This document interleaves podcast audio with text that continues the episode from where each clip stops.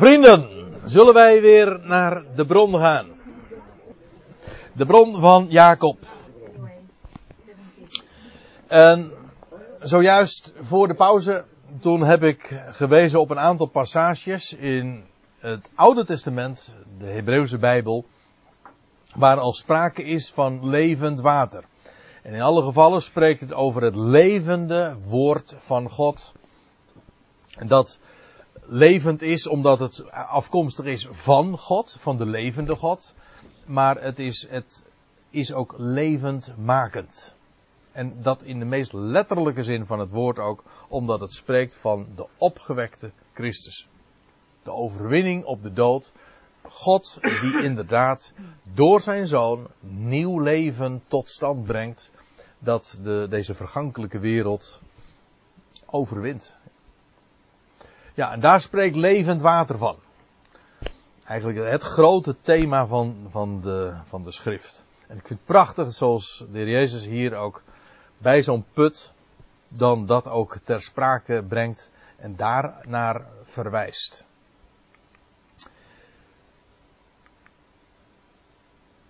Ik stel voor dat we dus verder gaan bij vers 11. En zij, zei tot hem, Heer, gij hebt geen emmer en de put is diep. En ik zei al even, ik liet al een fotootje zien. Het is een put van 32 meter diep. Dus daar moet je een heel lang touw voor hebben om daar water uit te halen. En dat schijnt echt prima kwaliteit water tot op de dag vandaag, uh, van vandaag te zijn. Levend water. Ja, maar dan in de letterlijke zin van het woord dus. En, maar goed, deze vrouw ontgaat de, de typologie. En hoe de Heer dat dan bedoelt. Hij, zij zegt, hebt geen emmer, de put is diep.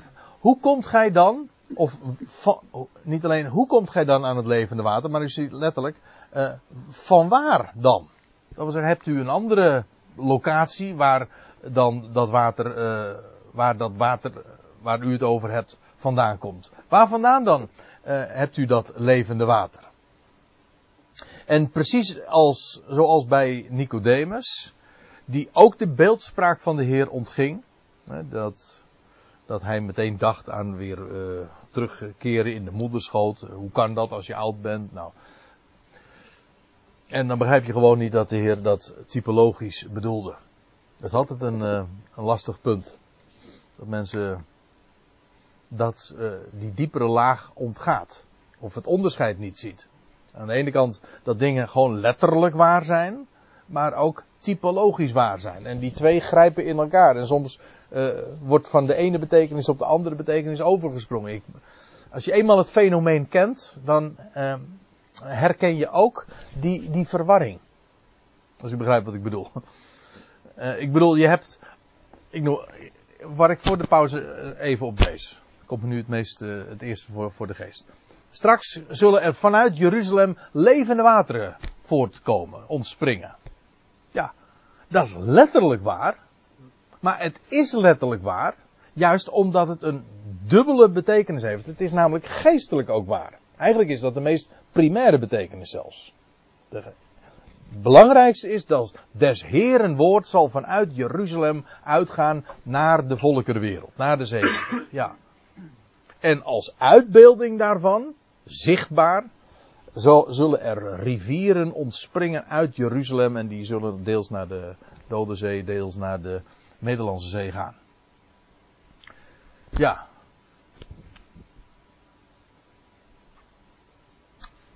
En hier dus de, die, dat, dat gesprek. Het is trouwens opmerkelijk, moeten maar eens een keertje uh, nakijken. Misschien dat ik, de, als ik het niet vergeet, de volgende keer zal ik er u even op wijzen hoe er um, in dit gesprek een opklimmende reeks van vragen en opmerkingen zijn die de Heer uh, plaatst aan het adres van deze vrouw. Ja, ik, uh, het is mooi om dat eventjes ook uh, te demonstreren. Dat, dat komt dus als we, als we even terugblikken op, dit, op deze conversatie. Dus dat doen we de volgende keer dat wel. Afijn, zij vraagt dan van waar dan dat levende water? Zij begrijpt het niet en ze zegt dan ook, bent u soms meer? En je, als ik me niet vergis, bespeur je hier ook uh, enige verbolgenheid in, uh, van, in de reactie van deze vrouw. Bent u soms meer dan onze vader Jacob, die ons de put gegeven heeft? U zegt van ik heb elders levende water. Wat, wat mankeert er aan, aan deze bron dan? Is dat geen levend water? Bent u dan meer dan onze vader Jacob? Trouwens, ze zegt onze vader Jacob, waaruit dus blijkt dat zij hem beschouwt als stamvader.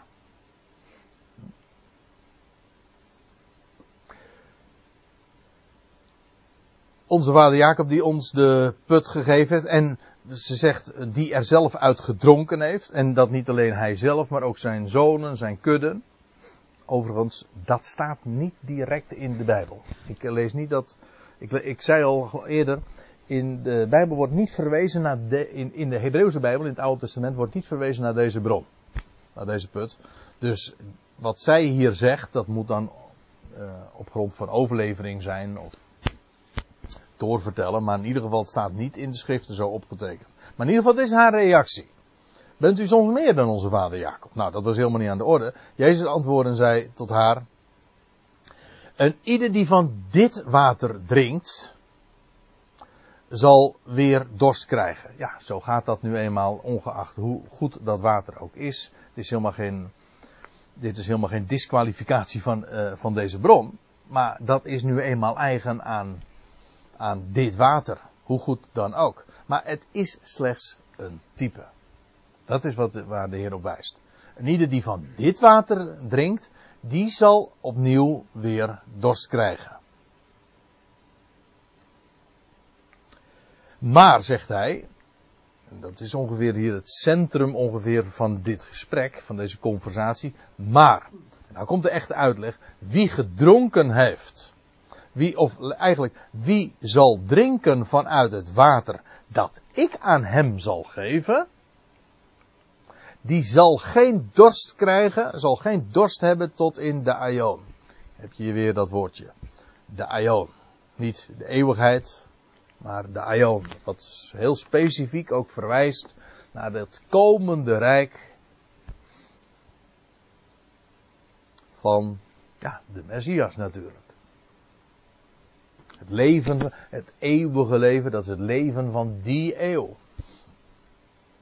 Nou, en hier wordt gesproken over dat levende water en dat dorstlessend is tot in de Aion. Maar zegt hij erbij, het water dat ik hem zal geven, dat zal worden in hem tot een bron. Ja, in de. En bij vertaling staat dan een fontein en vanuit de rest klopt die vertaling wel. Maar hoe is het eigenlijk in de Statenvertaling?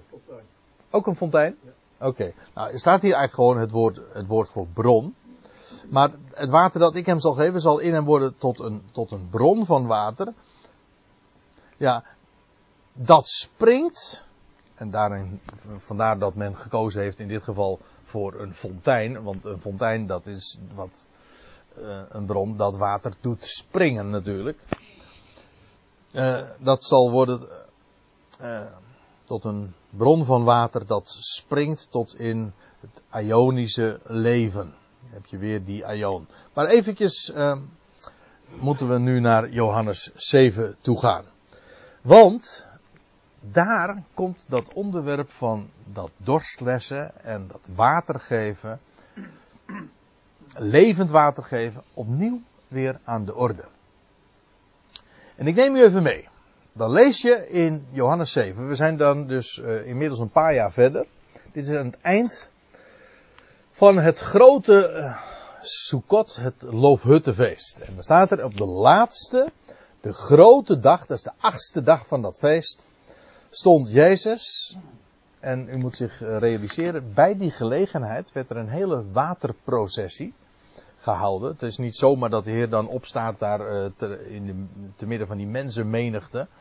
En daar in Jeruzalem en dat hij dan ineens dit roept. Nee, er vond een hele waterprocessie plaats. Dat wil zeggen, er werd water uitgegoten uh, op een bepaalde route naar de bron van Siloam trouwens.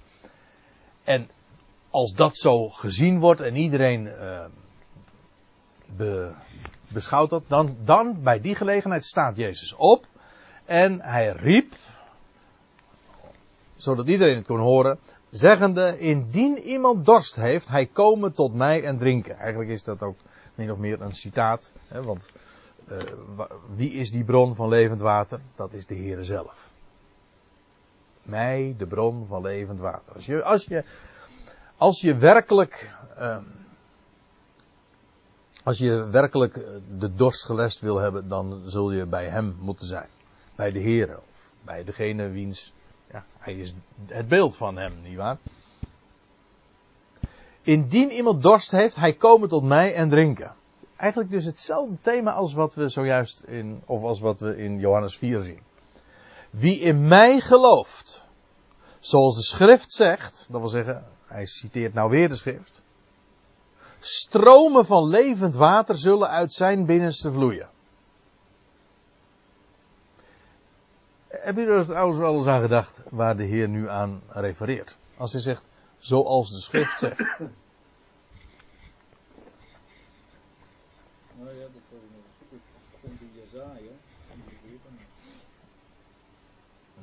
Ik zal do, uh, uh, mijn water, mijn woord uitgieten op het dorstige land, staat er. In uh, Jezaja 55, daar, daar, vinden we trouwens de woorden. Ik heb nog geen diaatje van, maar in Jezaja 55 is... Mijn vader die placht dat heel vaak te citeren. O, alle dorstige komt tot de wateren. En gij die geen geld hebt, komt, koopt en eet. De discipelen waren net weggegaan om te kopen. En, en nu, de Heer spreekt over dingen die gratis zijn. En hoe was het ook alweer zoals, uh, zoals jij begon? De, en de Engelsen zeggen: The best things in life are free. Echte dingen die ertoe doen in het leven, die kun je niet kopen. Gij die geen geld hebt, komt, koopt, eet. Ja, komt, koopt zonder geld. En zonder prijs wijn en melk. Waarom weegt gij geld voor wat geen brood is? En uw vermogen voor wat niet verzadigen kan? Hoort aandachtig naar mij.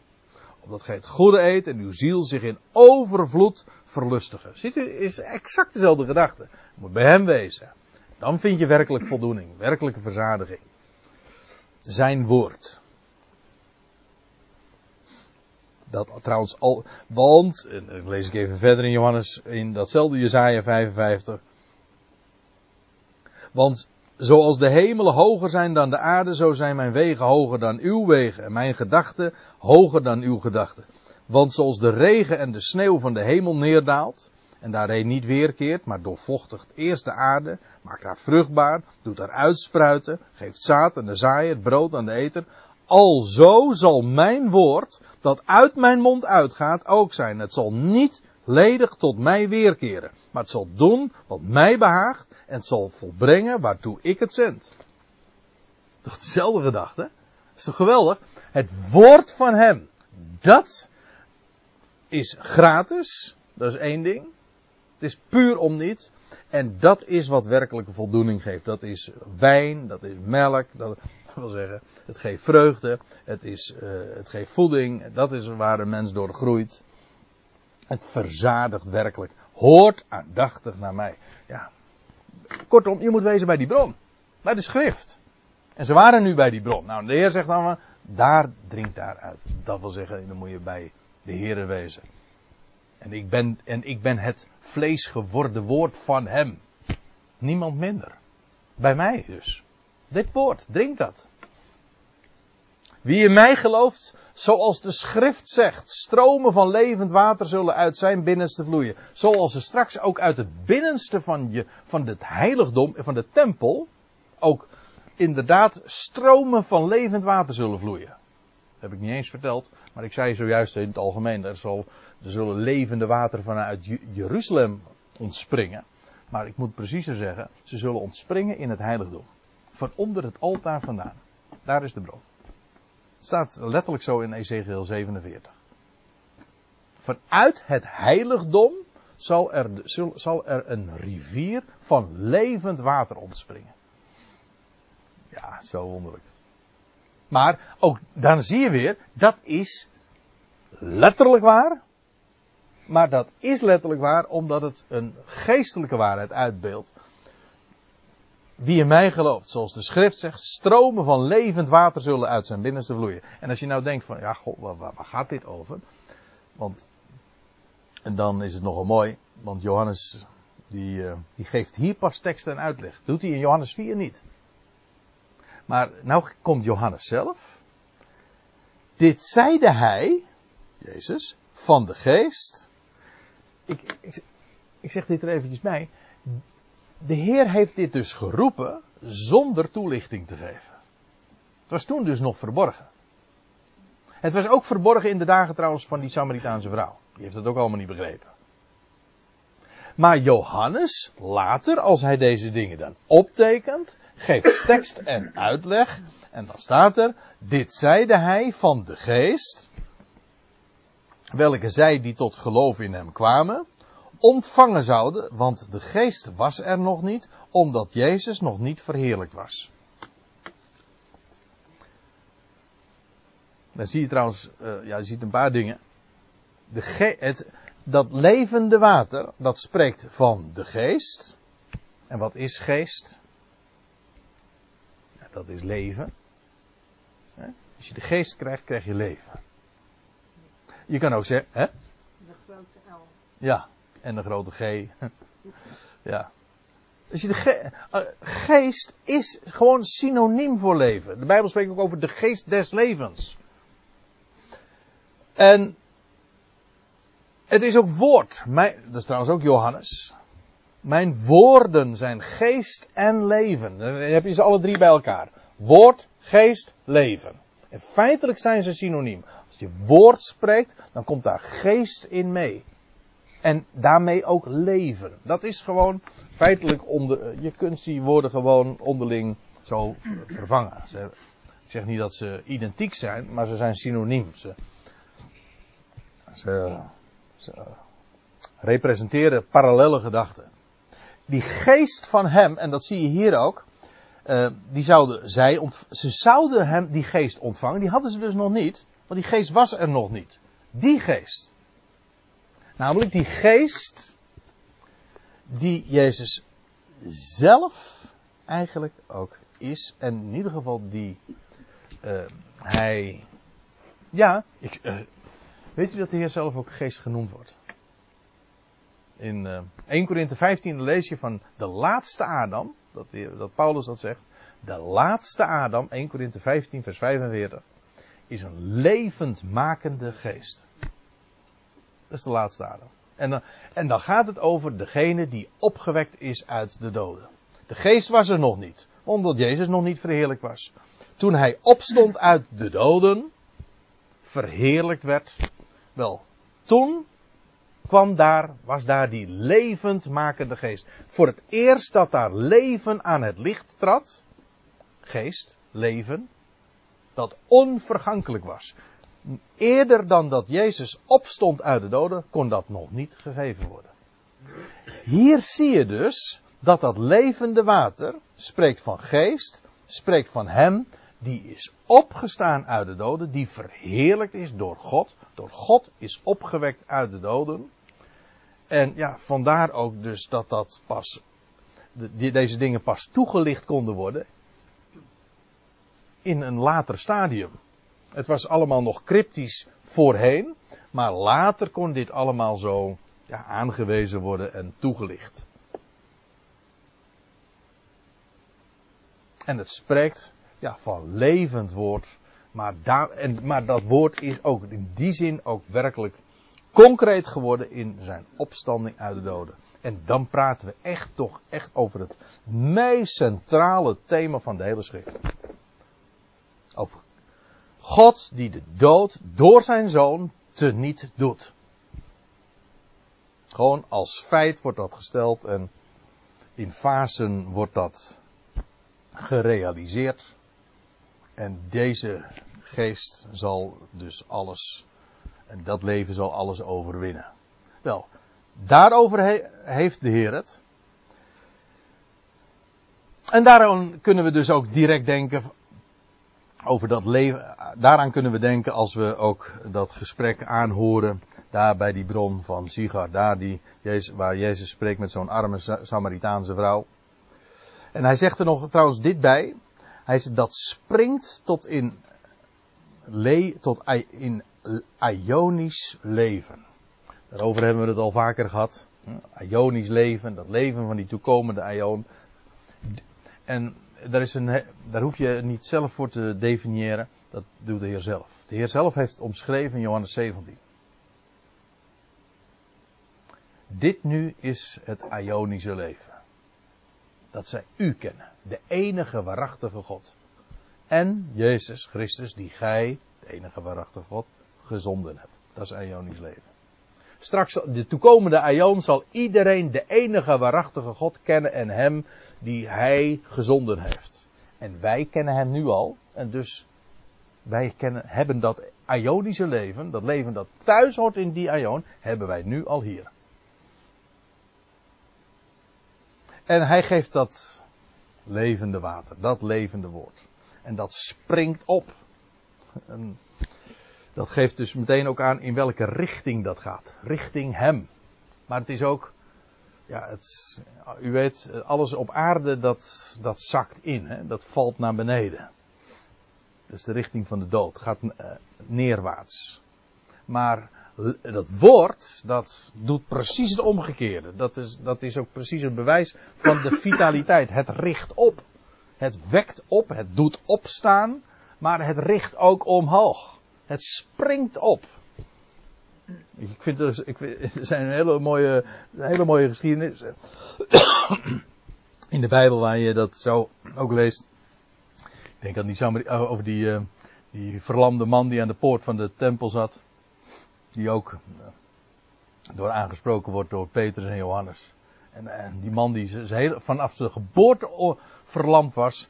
Hij, je leest, hij sprong op. Er werd tegen hem gezegd, sta op. En hij sprong op. Kijk, dat is wat leven doet. Dat is nieuw leven. En dan moet, kan je altijd heel makkelijk onthouden. Uh, door, de, dat, door het gewoon met Engelse oren even te beluisteren. Spring. Nieuw leven. Als de, het seizoen van de dood voorbij is, dan krijgen we spring. Wanneer alles ontspringt en open springt. In ieder geval ook opwaarts springt. En ook alles opwaarts gericht wordt naar Hem. En als je die kant gericht bent, ja, dan, dat, dan, dan, leef, dan leef je. Anders ben je gewoon dood. Ja, toch? Dat springt tot in Ionisch leven. De vrouw zei tot hem, ze heeft het nog niet helemaal door hoor. Maar ik, uh, want ze zegt dan, Heer, geef mij dit water. Opdat ik geen dorst heb en niet meer hierheen behoef te gaan om te putten. Weet je, nou ben je toch nog, heb je het nog niet helemaal begrepen. Dat ik hier niet meer helemaal doorheen hoef te komen. Het was kennelijk nog een hele, hele tippel om, uh, om dat uh, te doen. Maar u begrijpt dat als ze zoiets dan tegenwerpt, of nee, zoiets vraagt, nou, daarmee uh, geeft ze opnieuw weer, geeft ze blijk van het toch niet begrepen te hebben. En, hij, en dan zegt hij tot haar, ga heen, roep uw man en kom hier. Ja, waarom, hè? waarom lach jij? Nee, ik kan het niet zeggen. Ik zeg oh. later wel. Oké, oké.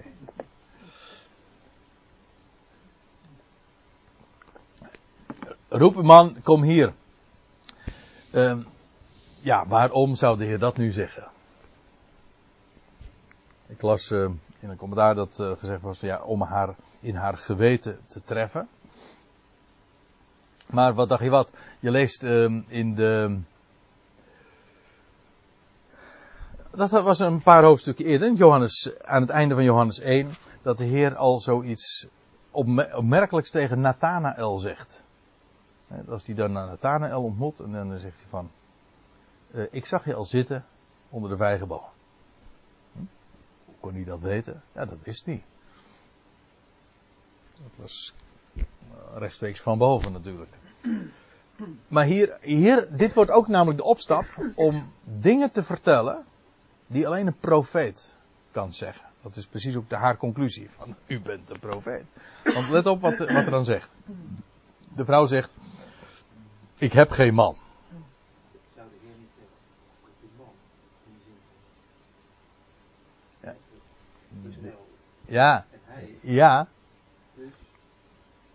Oh, bedoel je dat zo? Wacht even. Ja. Roep uw man. Roep uw man aan. Ja.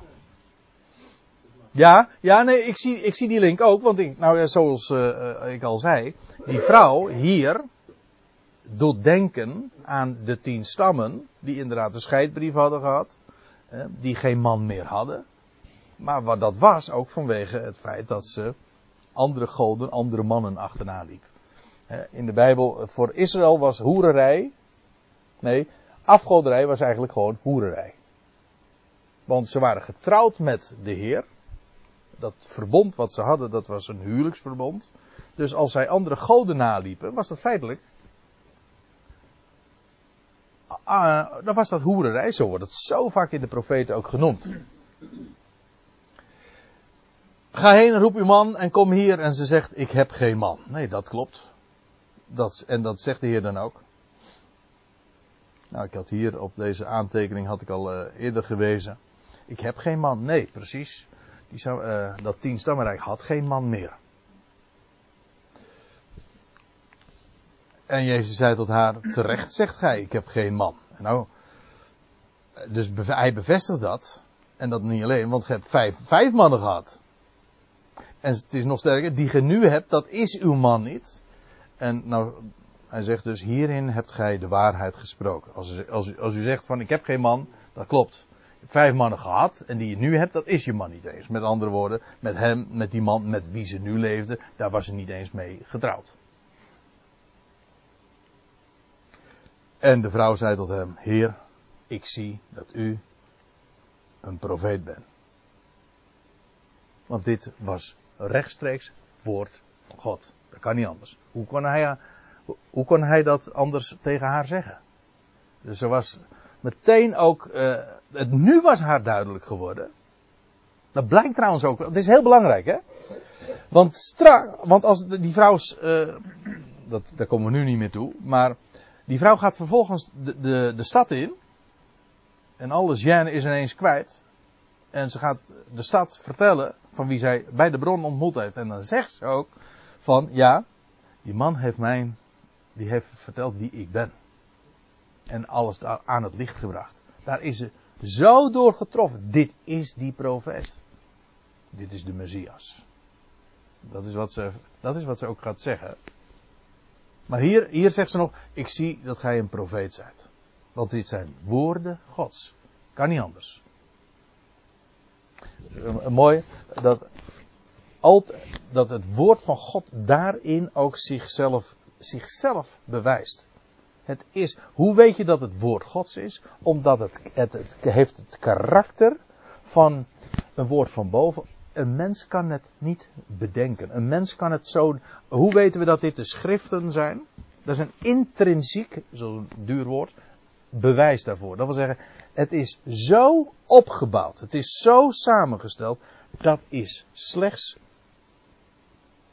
dat kan slechts een goddelijk concept zijn. Het is alleen van Gods wegen mogelijk dat zo'n hele bibliotheek een eenheid kan zijn. Zo krachtig, zo samenhangend, zo'n levend geheel. Het is een levend woord. Het is zoals mijn, mijn body en uw body gewoon een, een het is een levend. Dat wil zeggen, alles hangt met alles samen. Dat is met die schrift ook. Het is levend. Het, is, het ademt, het geeft leven, maar het is ook één geheel. Alles hangt met alles daarin samen. Ik zie dat gij een profeet zijt. Nou, en dan komt ze bij een vraag. Dat wordt een hele theologische discussie haast. Want zij dan uh, het, de grote religieuze controverse die er was tussen Samaria en Jeruzalem, tussen Joden en Samaritanen, die brengt zij nu ter sprake. Maar ik denk dat we er verstandig aan doen om hier even halt te houden en dat te parkeren voor de volgende keer. Ja, dan pakken we dus bij de volgende keer de draad op bij vers 20.